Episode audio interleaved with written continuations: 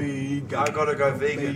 Vegan. I gotta go vegan. To go vegan. Hang on, is this a new Stevie Wonder Vegan. classic? Go vegan. I'm Get about, big, about, back about to to go go vegan. Go vegan. Go vegan. Ah, The big, back, big, back back to to go go. vegan. Go vegan. Yeah. Go vegan.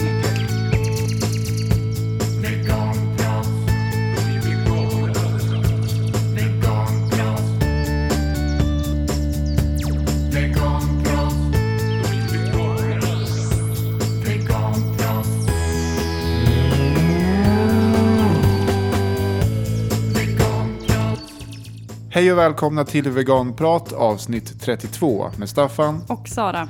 Den här gången har vi pratat med Jonna Håkansson från Djurrättsalliansen om deras kampanj Djurfabriken. Sen har det kommit en ny undersökning om hur många vegetarianer och veganer det finns i Sverige. Eh, Och vi ska också säga att allra först, innan gingen så hörde vi Stevie Wonder sjunga Go Vegan-sången. Eh, Han är den senaste i raden av amerikanska kändisar som har kommit ut som vegan. Han sjöng den här lilla sången i ett eh, tv-program nyligen. Mm, känns extra fint med Stevie på något sätt. Men det, hur var det med djurrätten då? Ehm, som alltid med kändisveganer. Något oklart. Något oklart. Vi får väl se. Jag, jag, jag kan se Stevie Wonder leda en stor demonstration för djuren. Nej, inte omöjligt. Nej. Men i vanlig ordning så börjar vi med veganmånaden. Hur har du haft det? Den här månaden har jag hållit på och mixtrat med olika vitamintuggtabletter till mina barn. Ehm, för att alltså, de bor ju med mig den största delen av tiden och då äter de veganskt. Sen ibland så äter de några gånger, någon gång i veckan så äter de med sin pappa och då vet jag inte vad de äter. I alla fall, så, och jag har liksom eh, hela tiden bara så här, ibland så här, försökt få i dem så här, dunderpulver och sånt där. Dunderpulver? Mm. Dun, är det ett märke? Ja, det är ett märke, dunderpulver med saker som man behöver. Ja, vitaminpulver. Och, och det har inte gått så bra. Eller alltid, Adam äter allt, det är inte något problem. Saga är problemet. Hon vill inte äta det för att hon känner smaken av vitaminer. Eh, även om det liksom, jag verkligen försöker dölja det. Eh, men i alla fall, senaste tiden så har, jag ätit, då så har de ätit något, mm, något tuggtabletter. Jag kommer inte ihåg märket. Eh, och det har så här funkat. Eller så här, Saga har typ så här, varit så här väldigt arg varenda gång hon tvingas eh, äta en tuggtablett. Eller hon äter inte ens tuggtabletten utan jag har fått så här, krossat den och sen blanda i juice och sen så typ så håller hon för näsan och dricker juicen, vilket inte känns helt så här, bra. Eh, men i alla fall så bestämde jag men jag kan prova Animal Parade, vilket är så här, eh, det som alla ger till sina barn. Ja, det är inne bland veganföräldrar. Ja, men det är så bra. Och eh, det är vitamintuggisar som är formade som djur. Och de är olika färger. Och jag tänkte det här kommer att gå. En succé. En given succé. Så jag fick hem dem. Och så smakade jag en själv och bara shit vad goda de var. De var jättegoda. Mycket godare än de där andra som de äter. Eh, så jag har varit jätteglad och så himla lättad. Och bara, nu kommer det inte vara ett så här problem. Nu kommer det bara, allting kommer gå så bra. Och sen eh, när jag hade hämtat Saga Adam från förskolan så gick vi in i köket och så presenterade jag de nya tuggisarna. Och det är en så här fin, för, alltså själva burken är jättefin. Så här Animal Parade i olika färger, olika djur. Den så ser väldigt glad ut. Och de var så här jätteglada och hoppade jämfota. Och, bara, eh, och jag bara, det är som godis. De här är verkligen som godis. För att eh, det har jag kört med med de tidigare tuggtabletterna. Och Adam bara, ja det är godis. Och Saga bara, det är inte godis. Han tycker att jag är dum i huvudet som säger det. Men jag bara, nu är det verkligen godis. Det här är the shit liksom.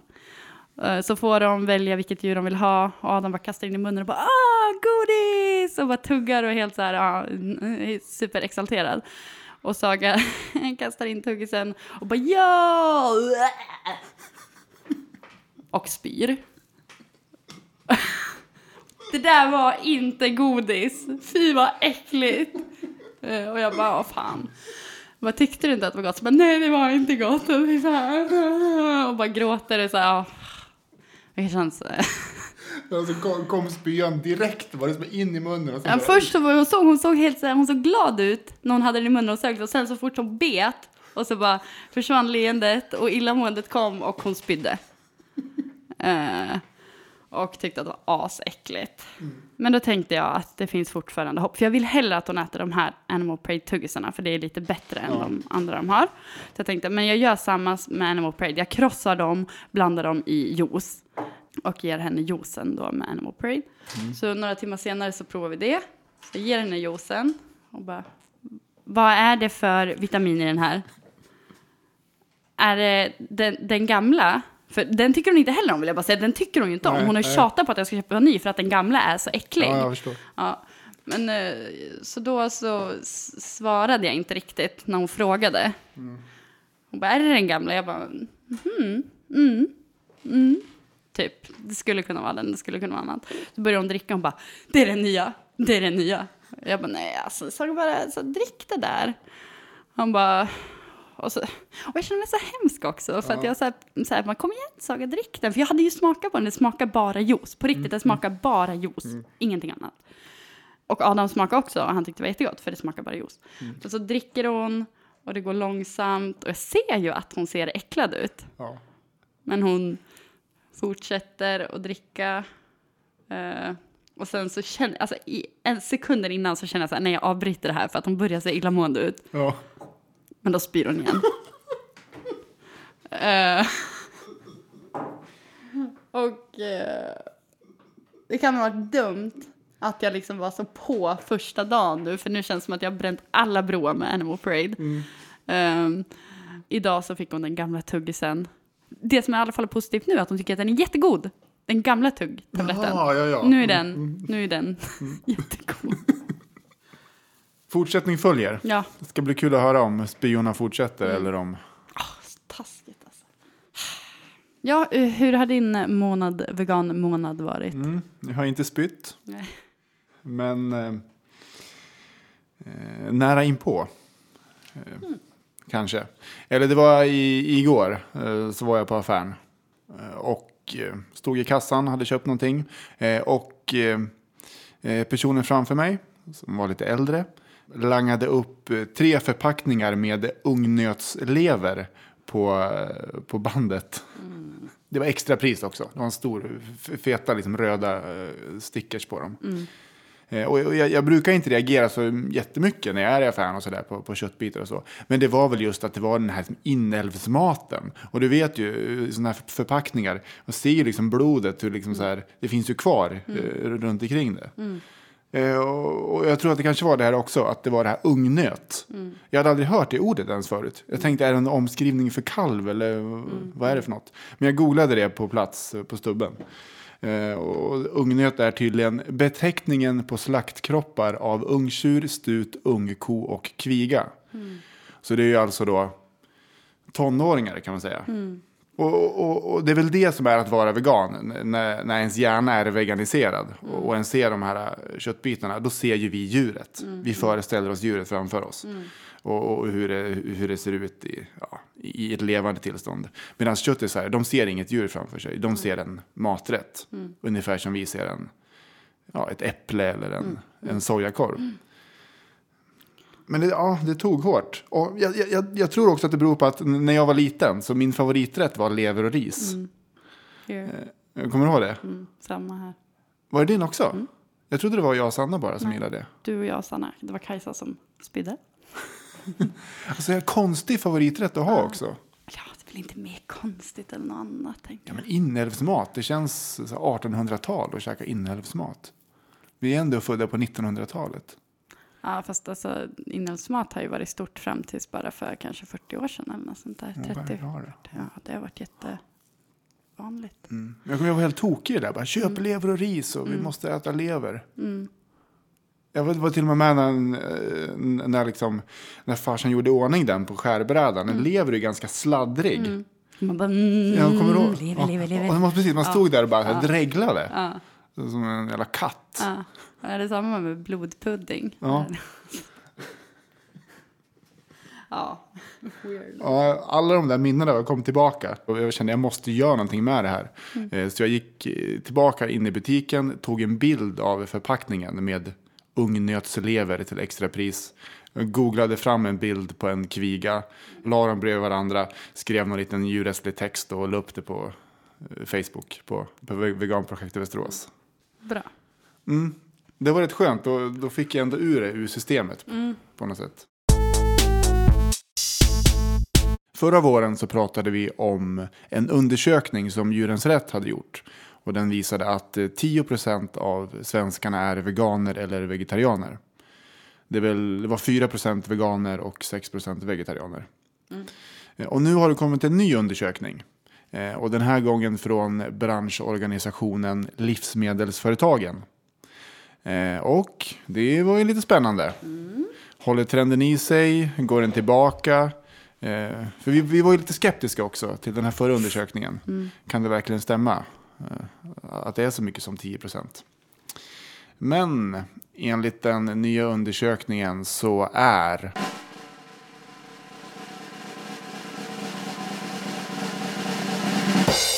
Tio procent av befolkningen veganer eller vegetarianer. Samma. Samma lika. Ja. Fortfarande det här problematiska vegetarianbegreppet. Liksom, vad är det? Ja. Men eh, det säger ju någonting ändå att det är samma. Det, det antyder ju... Att det nog är så. Det är nog 10 procent som, som kallar sig för vegetarianer. Eller veganer, ja. Ja, alltså det, det tycker jag ändå var positivt. Men var det inte också något att typ, eh, det är fler hos yngre, eller vad var det? Jo, det är det. Men det, det är väl känt sedan tidigare att det, det är fler yngre som är, eh, som är det. Och fler kvinnor än män och fler som bor i städer än på landsbygd. Men det- fanns ändå ett litet aber med den här senaste undersökningen. Okej. Eh, och det var att de tillfrågade, de, så var det egentligen bara 7 procent som sa att de var vegetarianer eller veganer. Okej. Eh, och eh, 3 procent sa att de försöker att följa en sån diet. Alltså, nu kommer jag låta så jävla osympatisk, men alltså försök och försök, det är för fan vad jag gör. Alltså jag kan inte förstå de som försöker och försöker och försöker och så går det inte. Jag kan inte förstå det. Jag förstår inte, det är bara att göra det. Men jag ser framför mig också hur, hur, hur, hur man i kylskåpet så har, så, har, så har man sojakorv och köttkorv. Och så typ en timme innan lunchen bara, nu ska jag verkligen försöka. Jag måste anstränga mig. Bara, kom igen nu, kom igen nu, kom igen nu, kom igen nu. Gå fram till kyl... Öppnar kylskåpet, så här, sträcker sig efter sojakorven. Bara, you can do it. Så ah, fan. Ja, vad fan. Ja, ja, men eller hur. Det är ju exakt så det är. Det måste ju vara så. Ja, Man försöker och försöker, men sen så bara, nej. Om man är så här på ett gatukök. Hejsan, jag skulle vilja ha en eh, falafel kebab. nej, jag, alltså, nej, nej, jag vill ha en f- falafel kebab. Kebab. Jag och Dante pratade om det. Ja. När, nu när jag, Trippa lite. jag har typ blivit nykter nu. Jaha. Det, ja, tror det. Jag vill inte göra dig besviken. Jag vill inte att du ska bli besviken, men jag tror att det börjar komma nu. Jag, jag är inte besviken. Du är lite besviken. Det kan du inte säga någonting om, jag vet att det är. Jag är själv lite besviken. Ja, men berätta, det här är intressant. Eh, Du har haft tankar under en längre tid på att bli nykter. Ja, väldigt lång tid. Alltså tankarna har också alltid funnits. Eller när jag var yngre och drack, då hade jag alltid sagt det här är bara någonting jag gör nu. För att jag, tyckte, jag har alltid tyckt att det var så här, helt så här idiotiskt med vuxna människor som sitter och dricker. Typ. För jag tänkte så här, drick, alltså när jag var ung, att det var, så här, det var kul. Och jag hade faktiskt inte gjort det jag skulle få prova det. Men att jag alltid haft så här tankarna, så bara, när jag är vuxen ska jag fan inte dricka. För att jag tyckte det var så här, sorgligt bara, typ. Eh, och så har jag tänkt, och de här, så här i perioder så jag bara, nej men nu vill jag inte dricka och så bla bla bla bla. Och jag har alltid haft det att jag aldrig så här försökt försvara min alkoholkonsumtion som någon annan i det här rummet ändå försöker fortfarande göra. För att jag tänker att så här, det finns inga jävla argument att eh, ingå i någon slags alkoholnorm som fucking förgör och förstör. Eh, I alla fall, haft tankarna eh, och så här, alltid ha så här, sen ska jag bli nykter, sen ska jag bli det. Eh, och sen. Men nu så tror jag att jag har blivit det, fast jag vill inte säga det heller. Jag vill inte säga att jag så här, är nykter. Det är en ro, intressant parallell till det här med veganisering och att, att vara på andra sidan. Ja, precis, precis. Att, Det blir det. Blir det. jo. För det, det vet jag ju själv när jag, när jag pratar med, med folk som är nyktra och jag försöker försvara alkoholkonsumtion, då låter jag som en köttis. Argumenten är bara, åh men det är så gott, det är så bekvämt och det är, så här, det är socialt trevligt och jag har alltid gjort det. Eh, alltså, så att jag, jag är bara tyst nu. Ja. Uh, Öppna munnen, så jag, det, det låter bara dumt. Ja, det är bara bra. Det är bra. Ja, just det pratade jag faktiskt om med, med, med Dante. För att jag, är så här, jag blir ju nykter av politiska skäl, inte av personliga. För av personliga skäl, då vill jag fortsätta dricka, för jag tycker om att dricka. Eller jag tycker om typ vin. Och jag vill gärna dricka vin. Eh, Men, så vi pratade lite om det. Och på ett sätt skulle det inte vara något problem, eller jag skulle inte se det som ett problem, om jag bara satt hemma och drack vin. Eh, Utan att någon annan någon gång såg mig. Men, och, och, men det går ju inte. För att om, det, jag tänker att det är samma som att äta kött, typ äta lite kött. Ja men som en vegan som äter typ kött, eh, bara dumpstrat kött liksom. Och sen så, ja, om man gör det är så jävla lätt att bara köpa det sen. Och det är så jävla lätt att gå ut och bara så här visa sig full och eh, bara bli passiv. Och men sen tänker jag att man blir passiv av alkohol, man blir så jävla passiv. Mm, så är det, så är det. Men jag tror att jag använder alkohol mest som ett belöningssystem. Alltså om jag, om jag dricker kanske varannan vecka, eh, kanske på, på helgen. Eh, att så här bara, åh, idag ska jag få dricka en öl. Jag har haft så jobbigt nu i två veckor. Det har varit mycket stress och liksom. Alltså det är, väl, ja, det, det, det är så jag använder det. Att ska få slappna av. Och, ja. och så är det ju inte riktigt med kött. Det är ju mer här, en daglig process. Men jag inser ju att mm, Ja, mm, argumentet håller inte. nej. nej. Varför ska du bli nykterist då? Vad är ditt argument? Övertyga mig. Ja, främst att det är så här. Folk vill att vi ska dricka det här. Alltså det är, det är ju en grej. Att det är så här, det är någon som vinner, tjänar pengar på vår olycka för att det genererar så jävla mycket olycka. Eh, alkohol. Det är många som kommer i kläm, det är många som mår dåligt.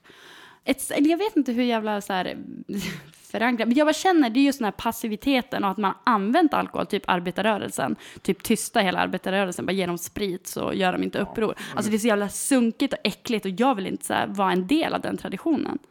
För det är äckligt.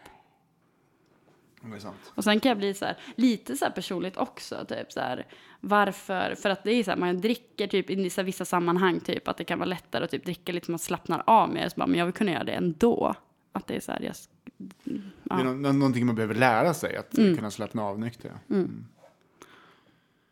och, och det kan alla, men det blir svårare också. Det är lite där, alltså man får vara en del av förändringen, för att nu kom, det blir, det är awkward att vara typ nykter när majoriteten inte är det. Men när majoriteten är nykter, då tänker jag att, jag vet inte, vi kan vara lika vi kan vara som vi är, fast inte så jävla dumma i huvudet. Typ. Varför pratar jag om det här? Tänk om jag, inte kom, tänk om jag dricker nu om några veckor? Mm, Kanske, vet kanske. Men, det, men jag tänker det här, det, eh, vi har ju haft många i släkten också som har haft alkoholproblem. Och det känns ju inte unikt. Det är typ varannan, varannan, människa, på, Mm. varannan människa på stan om man frågar ja, har ni eh, alkoholism i släkten så kommer de säga ja. Ja. Eh, men vi har ju mor, morfar och vi behöver inte säga men Och alltså, jättemånga. Alltså som har haft så här verkliga, ja men så, verkliga, ja men där är typ så här, eh, alkoholismen har varit en bidragande del till typ döden. mm, ja, verkligen. Eh, Så där är det så här hardcore. Men jag tänker också typ så här flera icke namngivna i släkten som dricker, alltså även fast de Ja, men även fast man klarar av sina jobb och sånt där, så bara att det ändå är så här, det är inte så jävla bra för dig eller för någon annan att dricka så pass ofta. För folk dricker jävligt ofta. Typ, jag tänker våra, vår föräldragenerationen. Fan, de dricker ju hela tiden när de umgås. Ja, det- gör de det? Ja. Ja, de dricker ju alltid. Det ska alltid drickas. Och så tycker jag inte riktigt att det är med, med oss. Det var ju mer så, innan vi vart veganer, då drack vi fan jämt. Alltså det var ju fan det enda vi gjorde. Ja.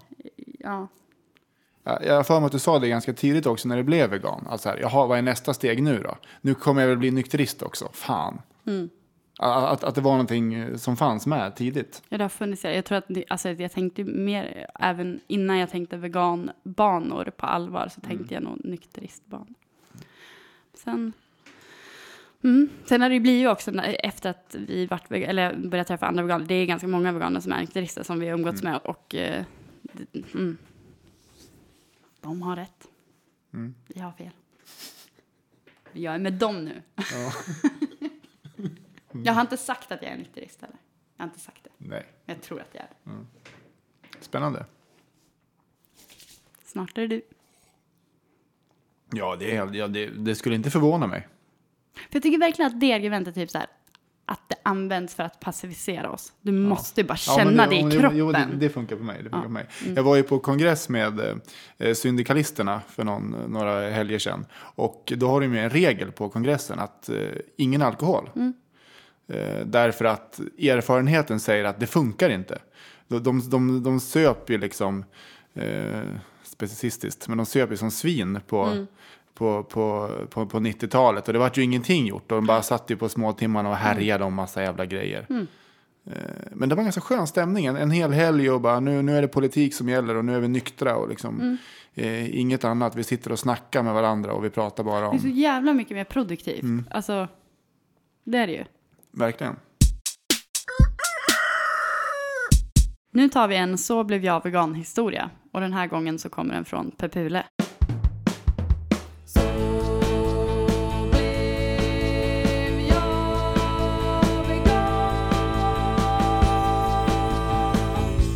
Eh, Jag hade varit vegetarian, laktovegetarian i flera år. Men hade liksom inte riktigt kommit i kontakt med att andra, att med vegankost, att det var ett alternativ. Och sen så bytte jag umgängeskrets och började umgås med folk som var veganer och insåg att det var egentligen det jag ville och att det var alltså, en riktigt alternativ, ett sätt att leva och när jag väl hade kommit i kontakt med det var det ett självklart val. Och sen så blev jag vegan. Bitar som faller på plats. Mm. Jag känner igen det. Det stärker en, en teori som jag har. Eller som jag har. Det känns som det är sociologi, grundkursen. Mm. Ja men det här att varför äter människor kött? Jo, för att människor äter kött. Varför blir folk veganer? Jo, för att folk är veganer. Mm. Alltså det är lite så. Mm. En kan tänka väldigt mycket att jo, jag blev vegan av etiska skäl. Men egentligen så blev man ju vegan av etiska skäl därför att man, Sammanhanget. ja, man hade personer i sin omgivning som var veganer, vilket fick en att tänka på Mm. de etiska frågorna. True. Nej, men så, så var det för dig och mig också. Det var inte så att den gick på stan och bara papp, papp, papp och sen bara Vegan. Jag ska bli vegan.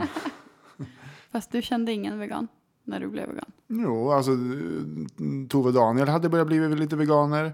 Så det var ju det som gjorde att jag började kolla upp saker. Att jag började känna att personer i min omgi- omgivning sprang ifrån mig. Eller, eller, hur, eller hur man ska uttrycka, det. Uttrycka sig. Vad sa du? Du vill inte vara sist direkt. Nej, jag vill inte vara sist på det nya. Nej. Men sen som Pepule sa, att Men, men, ja, men ungefär precis så. Alltså man gör någonting och det känns, det känns ganska bra att vara vegetarian, för det kändes ju ganska bra. Mm. Eh, man kunde ha lite moral high ground typ. Mm. Men, men det kändes ju inte he- helt i hela kroppen bra. Men sen så fort jag blev vegan så var det bara ja. Alltså det kändes väldigt så här.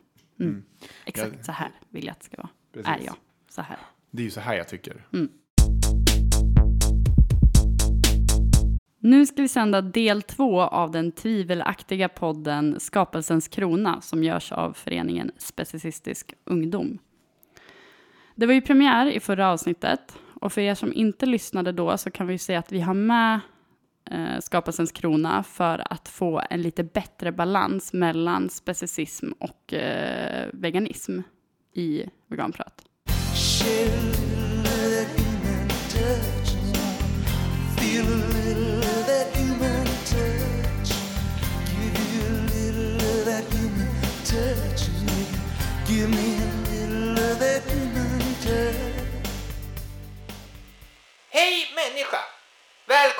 Skapelsens krona, Specicistisk ungdoms officiella podcast. Jag heter Anton Larsson och är förste talesperson.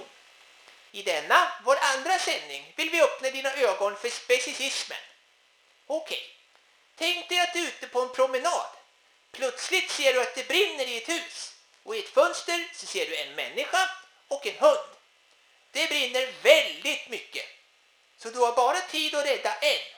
Antingen människan eller hunden. Vem räddar du? Med största sannolikhet svarar du människan. Det är ingenting att skämmas för. Tvärtom. Det betyder att du är specicist och det är någonting att vara stolt över. Men veganerna, de vill att du ska skämmas. De tycker att du och en hund har samma värde. De spottar på din art. Så vad väntar du på? Anslut dig till oss och vår kamp för att återupprätta människovärdet. Imorgon kan det vara för sent. Hej då!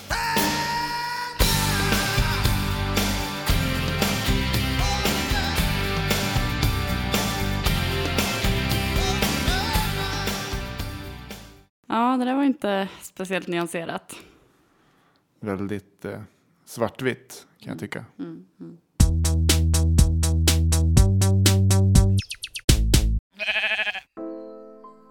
Förra veckan lanserade Djurrättsalliansen kampanjen Djurfabriken.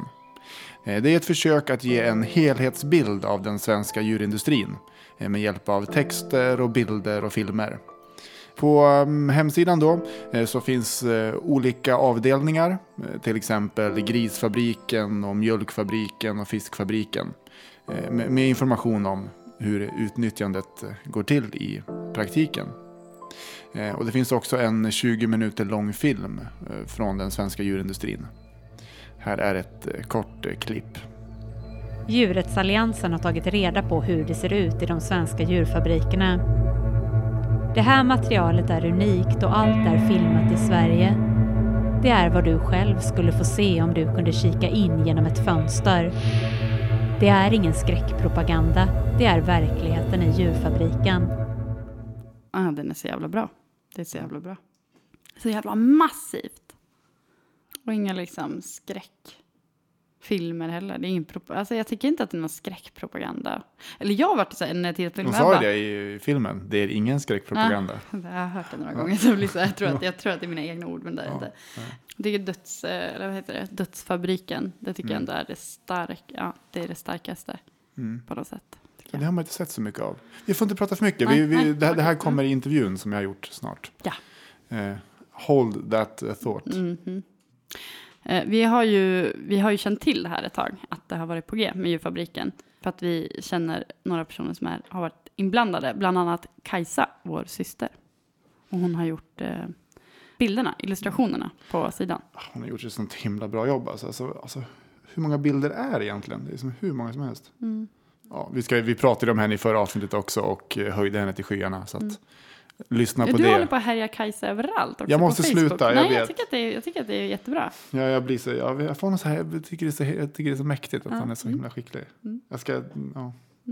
Det är svårt att förhålla mig till hennes eh, konstnärskap på Ja. ett eh, neutralt och balanserat Du sätt. är, du är en, en sån här jobbig förälder som bara... Eller hur? Det är det, det du är. precis det jag är. Det du är. Bara liksom skryter om henne. Ja. Måste sluta med det. Nej, sluta inte. Jag tycker det är Nej. gulligt. Jag tycker det är gulligt. Eh, Eh, men för att eh, få veta mer om djurfabriken så ringde jag i alla fall upp eh, Jonna Håkansson från Djurrättsalliansen i Göteborg. Och hon är då en av de personer som har varit med och tagit fram den här kampanjen och, och gjort hemsidan. Hur föddes idén till att göra djurfabriken? Vi tyckte att det behövdes en, en svensk sida som visar flera olika delar av den svenska livsmedelsindustrin för att eh, visa att det är systemet som det är fel på. Det handlar liksom inte om enskilda industrier som är fel eller om enskilda djuruppfödningar som är fel utan det är ett system där vi ser på andra djur som produkter till för människan att utnyttja. Eh, så därför valde vi att göra den här sidan så att människor kan, kan ta eh, liksom kan ta ansvar för sina handlingar och helt enkelt vara med och säga stopp. Ja, men just det där att det är i Sverige tänker jag att det har ju många veganer som oss också stor nytta av. För det är många som alltid ifrågasätter det, att de här bilderna är inte från Sverige och de kommer från andra länder. Nu kan vi ju verkligen hänvisa människor hit.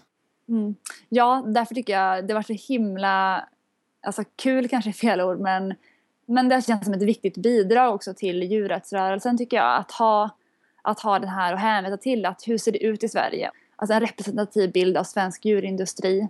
Och det tror jag är jätte, jätteviktigt för att eh, man gärna vill sälja in ja, men svenskt kött som etiskt. Eller att djuren har haft det bra, vi har världens bästa djurskydd, svenska kor har det bra i hagarna och så vidare. Och nu kan vi visa att nej, så är det inte. Eh, hur har ni samlat in eh, materialet? Eh, vi har jobbat undercover på olika sätt. Till exempel kan det ju vara att, att göra studiebesök och att då inte säga varifrån vi kommer. Utan kanske säga att man gör ett studiebesök när man är student till exempel. Och sen så är det ju också att vi har gått in oanmälda på fabriker för att kunna filma och fota eh, och visa upp det här. Jag har förstått att eh, en person har till och med arbetat på ett slakteri för att kunna ta de här bilderna. Eh, Ja. Hur, hur var det? Jag pratade lite med personen och jag tänkte faktiskt läsa upp ett citat från den. Och då säger personen så här. Fortfarande ser jag blickarna från några av djuren och frågar mig om jag inte borde ha ingripit där och då för att försöka rädda dem. Men jag vet ju att det fortsätter timme in och timme ut och det enda jag kan hoppas på är att bilderna som jag tog kan hjälpa till att ändra på det. Eh, och jag kan ju bara själv tänka mig hur det skulle vara att jobba på ett slakteri eh, och se de här djuren i ögonen för det gör så jävla ont att tänka på hur det ser ut i industrierna och vad det är som sker med djuren. Jag kommer ihåg, jag såg den här filmen Päls, den har du säkert också sett. Ja. Ja, det, det är samma sak där, va? en aktivist som, som tar, han tar jobb inom pälsindustrin då, under flera år. Eh, och, och är själv med och dödar djur och, till exempel då för att, för att kunna filma det här. Det känns som att ja, det, det krävs något speciellt för att, för att göra något sånt. Ja, verkligen. Jag, jag tror inte jag hade klarat av att göra det själv. Och jag, jag ser, men det är på något sätt oavsett om jag är där eller inte så händer det ju hela tiden. Och att vara där och kunna visa upp de bilder för människor som, som slår, som slår eh, material ifrån sig. Nej, men det här, djuren har haft det bra. Nej, det, de dödas på ett bra sätt.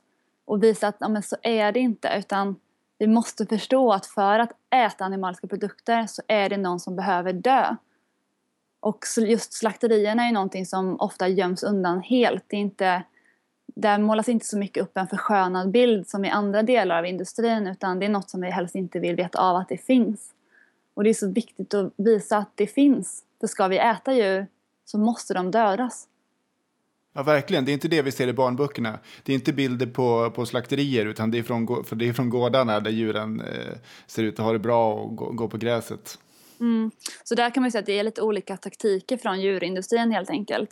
Att vad gäller hur djuren har det ska man lyfta fram att de har det jättebra och lever, lever ett fantastiskt liv. Men just dödandet vill man ju helst glömma bort att det, att det ens existerar. Nej, det är inga skolklasser som gör studiebesök på slakterier. Nej, det är ju inte det. Kan vi fråga oss varför? Ja. Var finns de här slakterierna? De måste ju ligga i, i alla svenska städer och överallt. Eh, ja, det är ju utspritt över Sverige. Eh, eh, är det. Så det finns ju på olika, på olika ställen. Men det är något som man... Alltså jag vet knappt vart alla slakterierna finns. Och då är jag ändå alltså, insatt i de här, den här typen av frågor. Så att man kan bara tänka hur, hur väl dolt det är. Eller hur, hur mycket det göms undan. Eh, nu har ju min syster Kajsa varit med i det här arbetet så jag har ju fått en del rapporter under arbetets gång. Och vi har förstått att ni har hållit på ganska länge med det här i, i flera år också.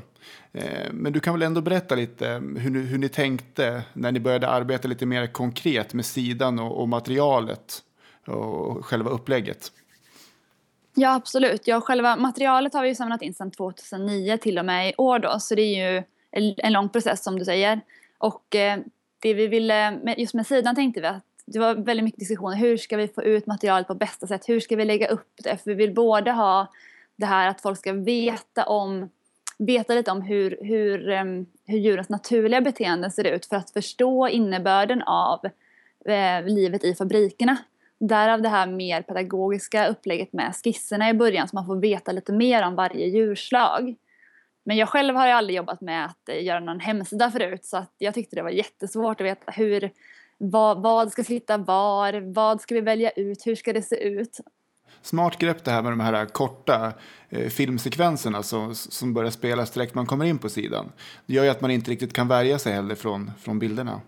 Nej, precis. Vi vill, att, eh, vi vill liksom få ut så mycket av det här materialet som vi har sett som möjligt så att fler ska bli medvetna om hur det faktiskt ser ut. Och då tänker vi, ja men filmer som är korta som börjar spelas upp direkt så man verkligen får ett på något sätt helhetsgrepp av industrin och det utnyttjandet som sker där.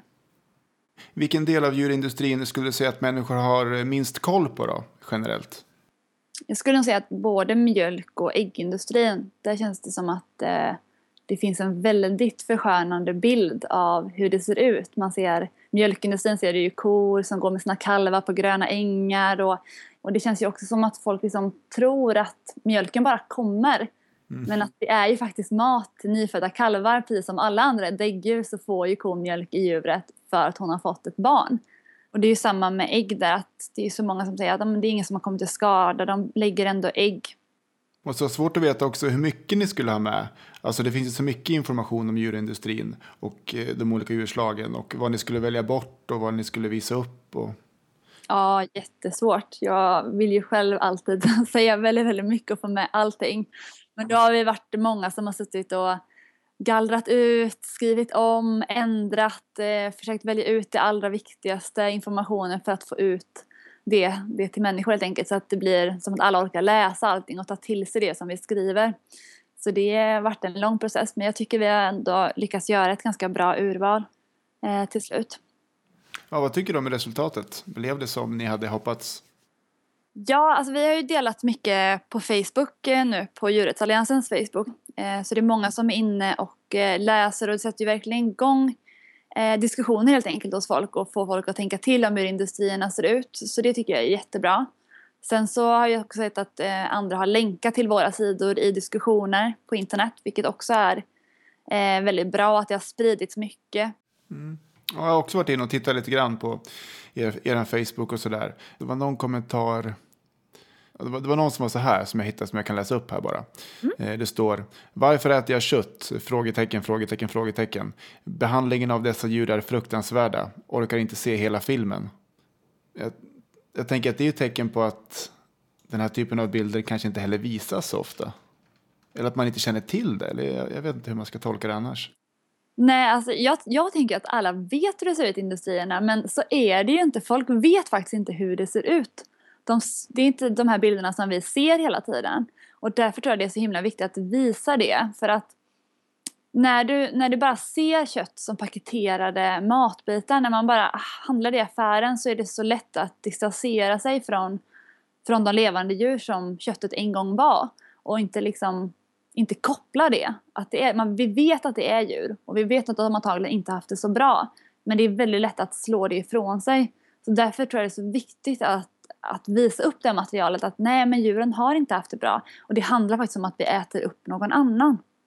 När, när djurrättsorganisationer visar sådana här bilder från industrin så kan det ju lätt bli fokus på hur djuren behandlas eh, istället för att eh, det här problemet med att de utnyttjas överhuvudtaget då, som du är inne på.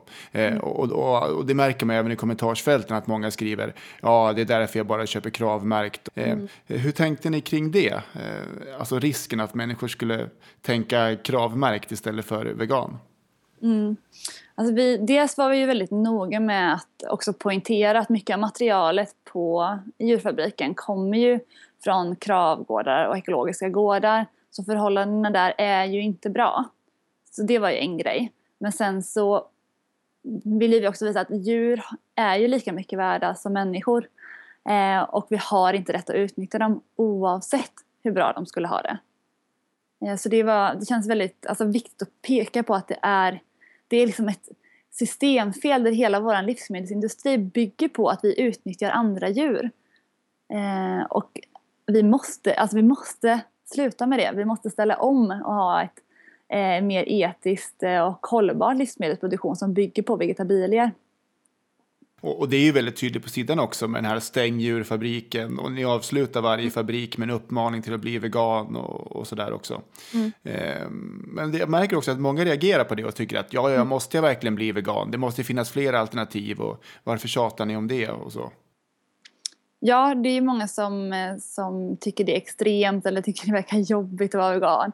Men jag kan inte, jag kan inte se något som skulle vara mindre extremt än att inte vilja utnyttja och döda andra. Eh, så det är väl också bara att föra fram att det är det som är lösningen. Om vi inte vill att djur ska utnyttjas och dödas, då är lösningen att vi blir veganer helt enkelt. Och vi har försökt vara väldigt noga med att visa på det hela tiden på vår sida som du säger och att skriva det i kommentarerna på Facebook för att det är det som vi kan göra om vi inte ställer upp på att djur behandlas på det här sättet.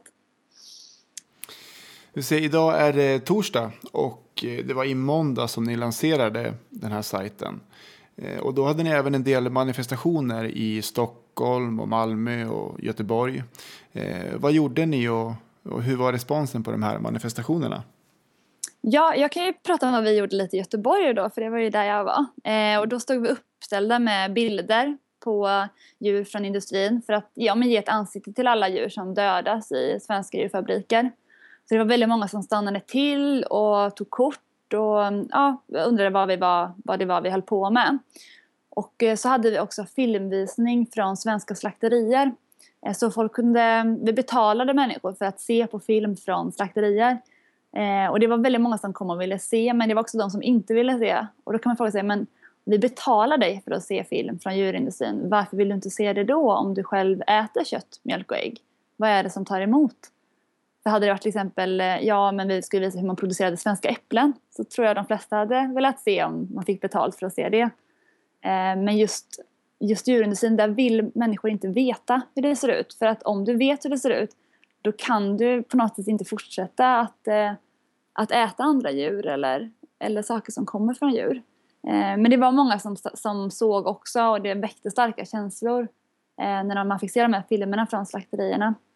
Så det var väldigt många som, som sen efteråt ville ha information hur de kunde eh, gå över till att bli veganer eller i alla fall leva mer veganskt. Så vi pratade med, med många eh, och det kändes som att folk var efter att ha sett det var väldigt mer öppna för att prata än vad, vad människor kanske brukar vara annars när man pratar med folk på stan. Spännande. Ja, nej, men grymt jobbat. Men vad händer nu med sidan då? Nu får den ligga där och den, den ska väl inte kompletteras eller förändras eller hur? hur tänker ni? Nej, alltså vi tänker att den ska ligga som den är nu. Men ehm, sen så vet jag inte om vi kommer på att den här industrin borde också vara med eller det här materialet måste ändras. Men tyvärr så kommer det väl inte ske, ske en förändring så snart. Nej. Eh, om det inte blir jättestor genomslagskraft, alla tar sitt förnuft till fånga och blir veganer. Då kan vi eh, ta bort den. Ja, vi får hoppas på en framtid där sådana här sidor inte behövs. Ja, verkligen.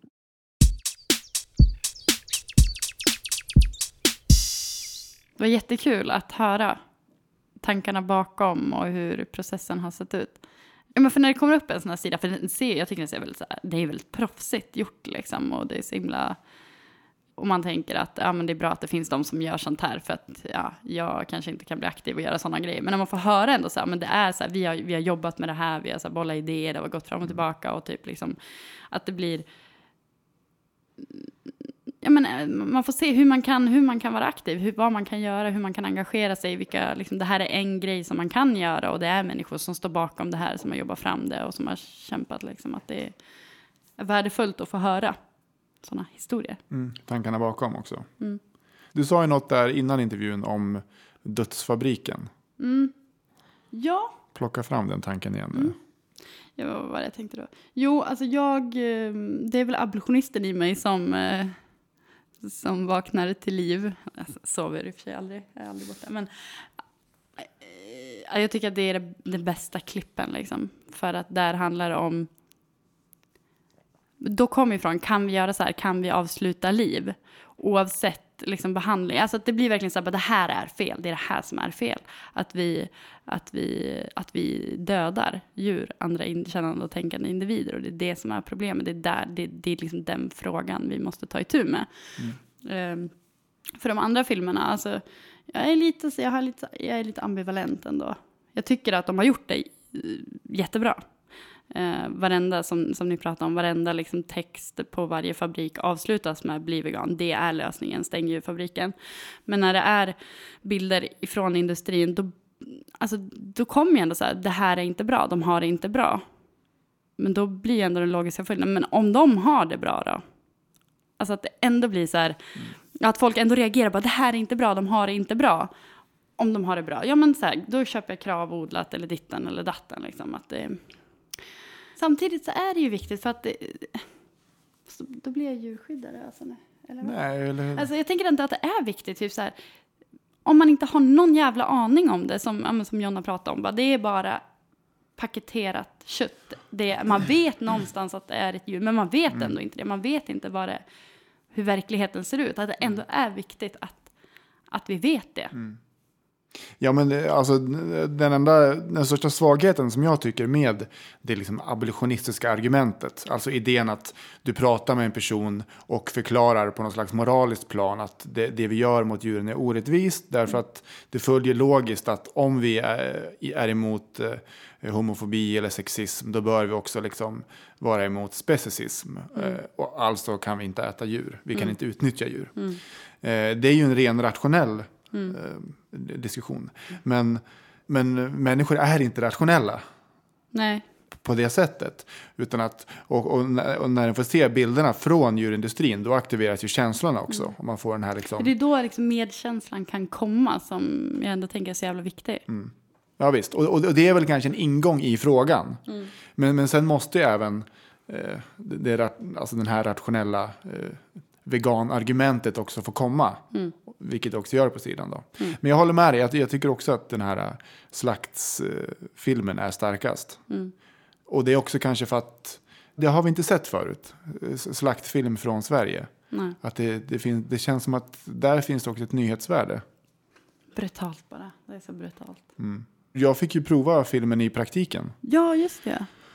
Jag var med på, mm, nu i helgen på, i Linköping så har de Linköping Vego, en stor vegetarisk mässa. Och då var jag där med veganprojekten. Stockholm och eh, Västerås. Just det, den här djurrättsorganisationen som vi är med i. Eh, och då hade vi ett bord där och pratade om veganism med folk. Men vi visade även, ja vi visade just den här slaktfilmen för besökarna. Och då gjorde vi en sån grej. Eh, ja, men det nämnde också John att de hade gjort det i Göteborg på den här manifestationen. Och vi körde samma sak då. att eh, eh Man skulle få 10 kronor om man satte sig ner och tittade på filmen. Det var, vi hade klippt ner den lite, typ tre minuter var det. Ja, först och främst, det, det var många som tittade, kanske under dagen. Det var mycket folk på mässan. Det kanske var 40-50 personer som tittade på den. Och folk reagerar ju. Alltså det var, det var tårar.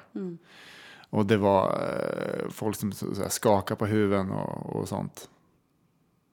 Så att det, det stärker ju den här eh, bilden du hade av också. Att folk kanske inte har sett det här ändå. Alltså jag vet att, jag tror att det är Melanie Joy som, som någonstans säger typ knowing without knowing. Eh, man vet fast man inte vet att, att djurutnyttjandet pågår. Ja, man vet det ju. Det är det. I, typ i huvudet någonstans så vet man det för man har fått höra det. Alltså det är ju ingen... Det, det döljer vi inte. Det är ju så här, vi, vi säger ju ändå att vi äter gris. Alltså, man vet det, så det är ju, men i huvudet så vet man, fast man vet ju inte i kroppen liksom. Man vet inte.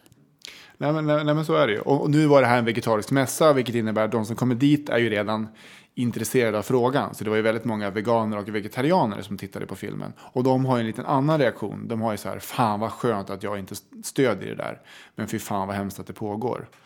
Um, köttisarna har ju lite, de får ju liksom lite svårare. Och det var, väl, det var intressant att prata med dem efteråt om, om hur de upplevde det. Och vegetarianerna borde väl vara lika intressanta, eller? Ja, vegetarian, jo det är sant. Ja. För där kunde man ju peka på liksom, ja, hönorna slaktas och, och kossorna slaktas och sådär också. Det var, ja, det var många bra diskussioner. Int, intressant också att eh, inför mässan tänkte jag, fan kommer jag bli fattig, måste jag lägga ut alla de här tiorna, liksom, alla, alla pengar kommer gå åt. Eh, så jag... Den snåla aktivisten. hur? Fan, folk blir veganer men jag förlorar 10 spänn. Helvete. Men det var jävligt nice. Jag var inne på en ICA-butik och växlade. Jag gav en hundring och så sån här, mm, de heter automater nu. Sprutar ut tior. Ja. En helt härlig känsla. Nej, nej men det var ju ändå vad du sa, 40-50 som tittade på filmen. Och eh, fan är det som ringer? det är jag som ringer hela tiden. Vem ringer? Jag tror att det är Rami. Är det den här? Nej, det är det här. Va, Säg att vi spelar in. Hallå, vi håller på att spela in. Då, okej. Du spelas in nu. Du, vad bra. Är Sara där också? Ja, hon är här också. Ja. Jättebra, jag skulle vilja prata med båda. Ja, Jag har men uppgift i skolan. Men ni, kan, eh, ni kanske kan ringa mig sen. Saknar dig. ha det bra. Hej Hej då, då. hej hej. Hej. Men vad var vi nu? Jo, just det, jag berättade att eh, folk tittade på den här filmen på, på den här mässan i Linköping. Men det, alltså jag tycker, ja men det sa Jonna också i, i intervjun, att det blir en annan typ av diskussioner eh, eh, när den har de här bilderna, liksom, när man precis har sett dem, då är man inte så... Jag upplever att det blev mindre av de här klassiska, men växter då? Eh, de, de där argumenten, eller du vet, tänk om vi inte födde upp djur. Eh, vad skulle hända då? Men de här klassiska, öppna landskap. Mindre sånt, utan mer liksom Kärnan. kärnan. Har vi verkligen rätt att göra det här? Och att, att det blev en lite mer... Eh, en djupare förståelse för problemet. Men det är, alltså, det, är en, det är en svår diskussion det där. Vil- Vilka strategier fungerar bäst på människor och människor är olika. Och, ja, ja, det där kan man prata länge om. Berättade du någon gång hur många, hur många det var som tog emot pengarna? Var det inte det du skulle berätta? Berättade du det? Berättade jag inte det? Nej, det kanske jag inte sa. Tror inte du gjorde det? Ja, det var det. Just det. jo, nej, men jag hade tagit ut en massa tior för jag tänkte att jag skulle bli fattig. Så var det. Men eh, det intressanta var att av 50 personer som såg filmen, ungefär 50, så var det två som tog emot eh, en tia efteråt. Ja, det tycker jag var, alltså, nu var det på en mässa eh, så, där folk var veganer och vegetarianer och jag kan ju förstå att de inte tar emot pengar. Eh, men även, vi, vi har gjort det här tidigare, vi visade det på stan i somras. På Cityfestivalen? Ja, precis. Då var, vi gjorde vi samma pryl. Och då tog ju folk emot pengar i en högre utsträckning. Ja, Men det Det var var en, fortfarande många som valde att inte ta några pengar. jag tror att det är en socialt konstig situation också. Nu har jag sett den här slaktfilmen och nu ska jag få 10 kronor i belöning. Mm. Folk känner sig rätt smutsiga då alltså. Om man tar emot pengarna. Men sen tror jag att vissa, också de som tar emot pengarna, liksom gör det också bara för att man alltså, kanske inte tänker, eller bara okej jag skulle ta emot pengarna, och kanske inte ens vill ha de där 10 kronorna, men att det ändå var dealen på något sätt. Whatever. Nej, man är nog inte så sugen på pengar efter det där. Men då tänkte jag efteråt, är det bra ändå att det står det? Det står ju på skylten, står det ju.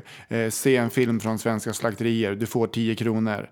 Ja, Jag tror att det, det tänker jag är jättebra i, i, för att skapa lite så här, ooh, Ja, lite vibes. typ så här, vad är det här nu, om jag får pengar, vad är det jag ska se? Liksom, att det blir en, det är typ en utmaning nästan. Ja, just det. Så jag tror att det är ett jättebra sätt att locka med.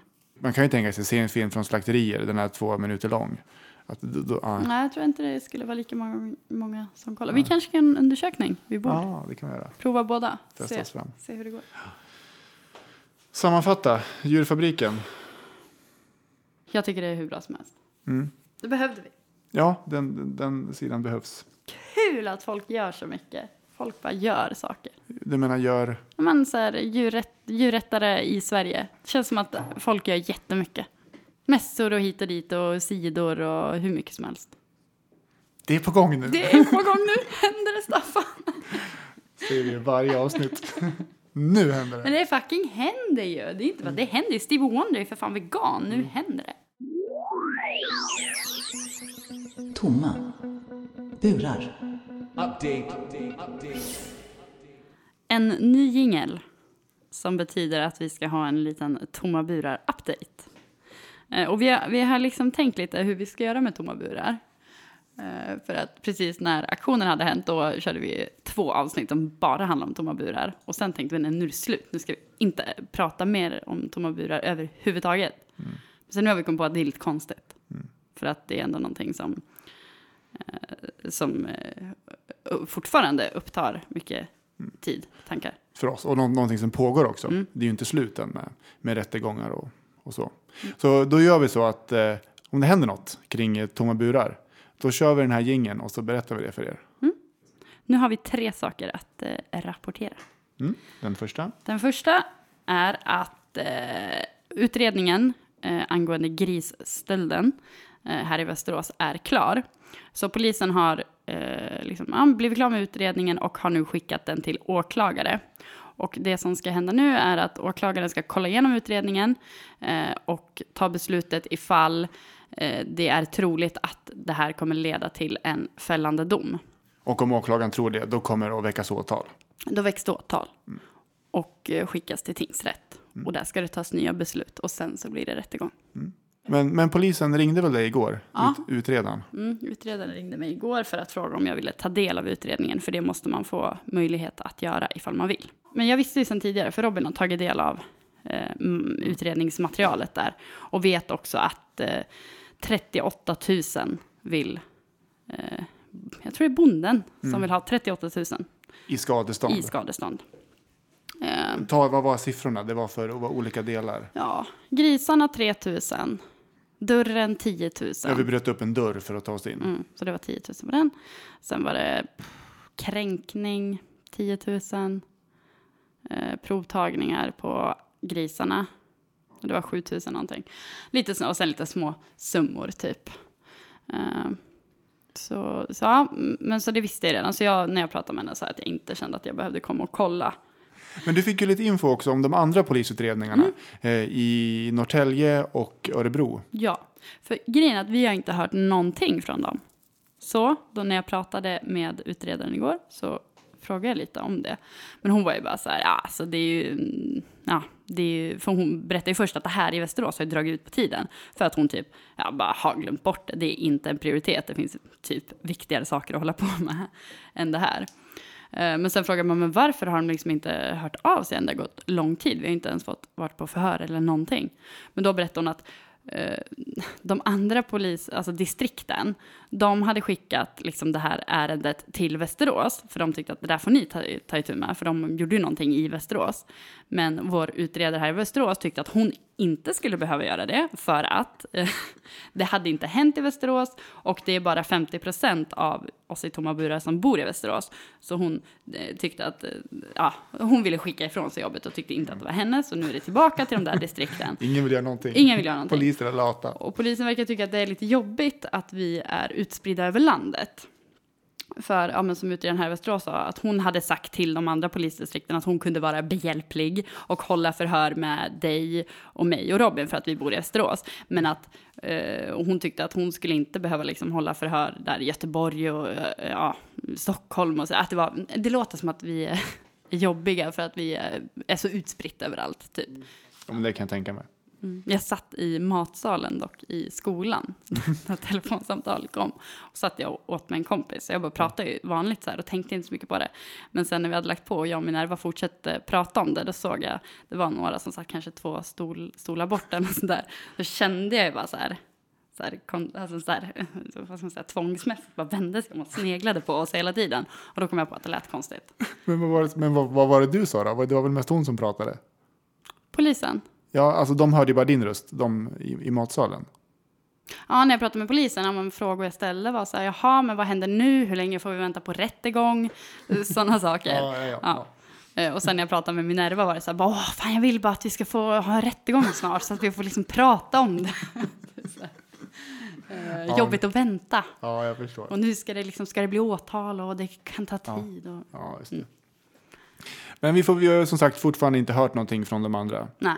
Eh, Men, Men alltså det kommer ju komma. Men som, Mm. alltså jag tänker eftersom att det nog inte är så prioriterat så liksom de, de väntar nog tills det har lugnat ner sig och inte finns så mycket att göra. Och sen ja, innan det preskriberas så lär de ju.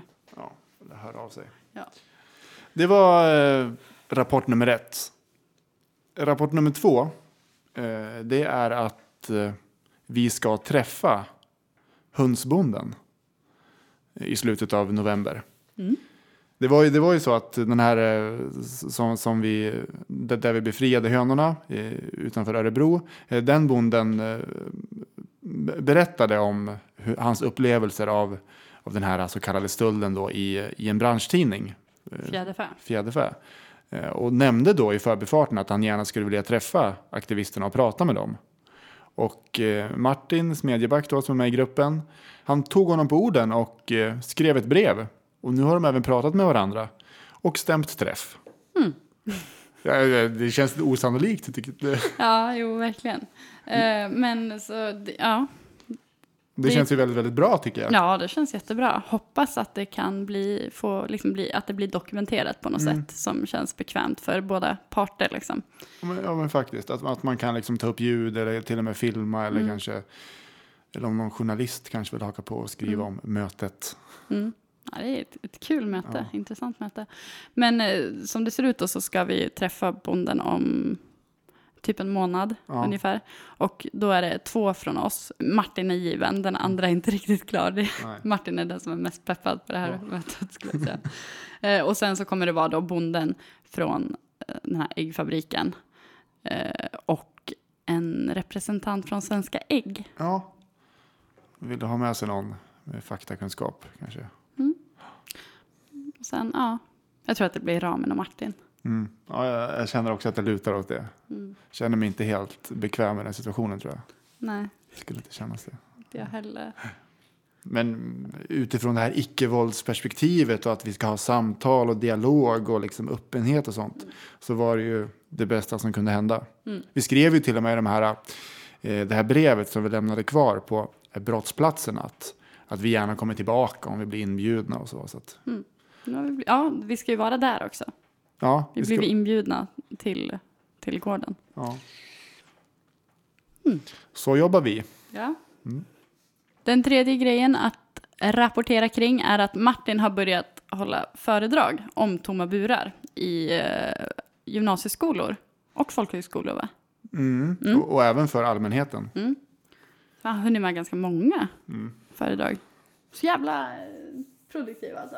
Ja, han har ju det här ett år för djuren också. Mm. Så att han, han har ju Verkligen inne i det. lagt hela året åt djurrättsarbete. Men jag tyckte det var ganska häftigt. Det var ju nu eh, höll han ju föreläsning för jättemånga. Vad var det någonstans? Du? Han var ju på någon skola i Skövde i förra veckan och, och pratade om tomma burar för 300 gymnasieelever. Och då har han även gjort så att han hade visat eh, djur, eh, djurfabriken, eh, alltså Djurrättsalliansens film, först för att liksom visa hur det ser ut. Och, och sen kopplat på med tomma burar och, och visat eh, film på våra fritagningsaktioner och sånt där. Så att, ja, så att eleverna skulle förstå varför han gjorde som han gjorde och, och så. Och han sa att det hade gått väldigt bra. Och han sa att folk var mer intresserade av att prata om djurfabriken kanske än om tomma burar. Så att de- de- den filmen var väl lite, lite starkare och man känner inte till det där riktigt. Eh, Det, det tyckte jag var intressant. Och att det här med att vi bröt mot lagen, det verkar liksom inte, ja, det hade de förståelse för. Eller han sa att det var hela skalan. Men det var verkligen inte så att en majoritet var emot det, utan det var verkligen att det fanns de som tyckte det var helt okej, det var några som tyckte det var förkastligt och så fanns alla däremellan. Um, men det här var ju alltså inte veganer, utan det var ju vanliga köttätande gymnasieelever. Skitbra ute i skolor alltså. Ja, verkligen. Eh, nej, och det här är väl det här är liksom steg två i tomma burar på något sätt. Att nå ut med det och komma ut och berätta om det. Ja, just det, det tyckte jag var intressant. Martin sa att eh, han upplevde det, han har ju hållit på mycket med civil olydnad tidigare inom fredsrörelsen och så. Och han sa att det var lättare ofta att få komma till skolor och prata om civil olydnad än om djurrätt. Att det är mindre kontroversiellt. Eh, Därför att eh, inom samhällskunskapen så har man väl ofta mycket diskussioner om vad är demokrati och ska man alltid följa lagen och sådär. Ehm, Medan djurrätt kanske upplevs mer som ett eh, särintresse eller någonting. Att, att lärare verkar liksom mer skeptiska och, och till att ta in det. Det tänker jag är ett bra tips till er som lyssnar som vill att eh, någon från Bure kommer att hålla föredrag på er skola. Att eh, prata, ta, ta kontakt med typ samhällslärare eller något sånt där och säga att eh, vi vill komma och prata om civil olydnad. Och så blir det djurrätt. Precis. Ja, ja visst, vi vill ju uppmana er som lyssnar nu att boka oss. Så vi kommer jättegärna och pratar. På, på skolor eller på eh, eller någon offentlig föreläsning eller för någon organisation. Eller, ja. Ehm, och Johan hade ett tips också Martin. Alltså om, om, om du går på en skola, och en gy- gymnasieskola, så, så det, det kan vara dumt att höra av sig direkt till oss själv. Utan det är bättre att gå via läraren. För det är alltid läraren som bjuder in. Så man får liksom sälja in det till läraren först. Och sen får liksom läraren kontakta oss. Och, Och då tryck på civil olydnad. Kan ju nämna djuret, men att det ändå är civil olydnad. Kommer du ihåg de lektionerna på gymnasiet? jaha, hur var det? Ja, det kommer jag inte ihåg. Alltså, men jag kommer kommer ihåg ihåg att, vi ja. pratade mycket om civil olydnad. Det, var, det var allt från Tomma burar den här gången. Det känns som att vi har pratat länge nu, att det varit ett långt avsnitt. Blir det så jävla långt? Jo, men det kändes som att det blev längre än vanligt. Många ämnen. Ja. Dessutom att du började snacka om det här med nykterismen också. Ja. Det hade vi inte planerat Nej, innan. det var inte planerat. Stör mitt ordningssinne, Mm. Du kommer säkert klippa bort det. förmodligen. Då klipper du bort det här också. Ja. Ja. Och ni får gärna mejla oss. Kontakt at veganprat.se Eller gå in på hemsidan och kommentera avsnittet. veganprat.se Och när ni har varit där så får ni gärna gå vidare till djurfabriken.se. Kolla in de här filmerna. Och om du inte är vegan, Bli vegan. hej då! Hej hej!